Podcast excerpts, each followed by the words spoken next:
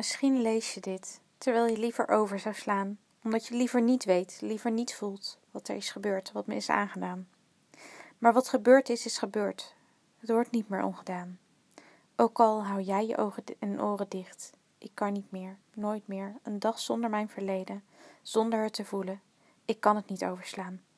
Niet als ik wil leven, als ik echt mezelf wil zijn, als ik echt wil bestaan. Dus aan jou de keus. Leef je met me mee, durf je het aan? Of laat je het los, sla je het over en laat je me alleen verder gaan? Misschien bleef ik rennen terwijl ik stil had moeten staan. Misschien vluchtte ik, vooral heel erg ver, bij mezelf vandaan. Misschien ben ik gebleven, verlamd van angst, terwijl ik had moeten gaan. Misschien schreeuwde ik, onhoorbaar, kon niemand me verstaan.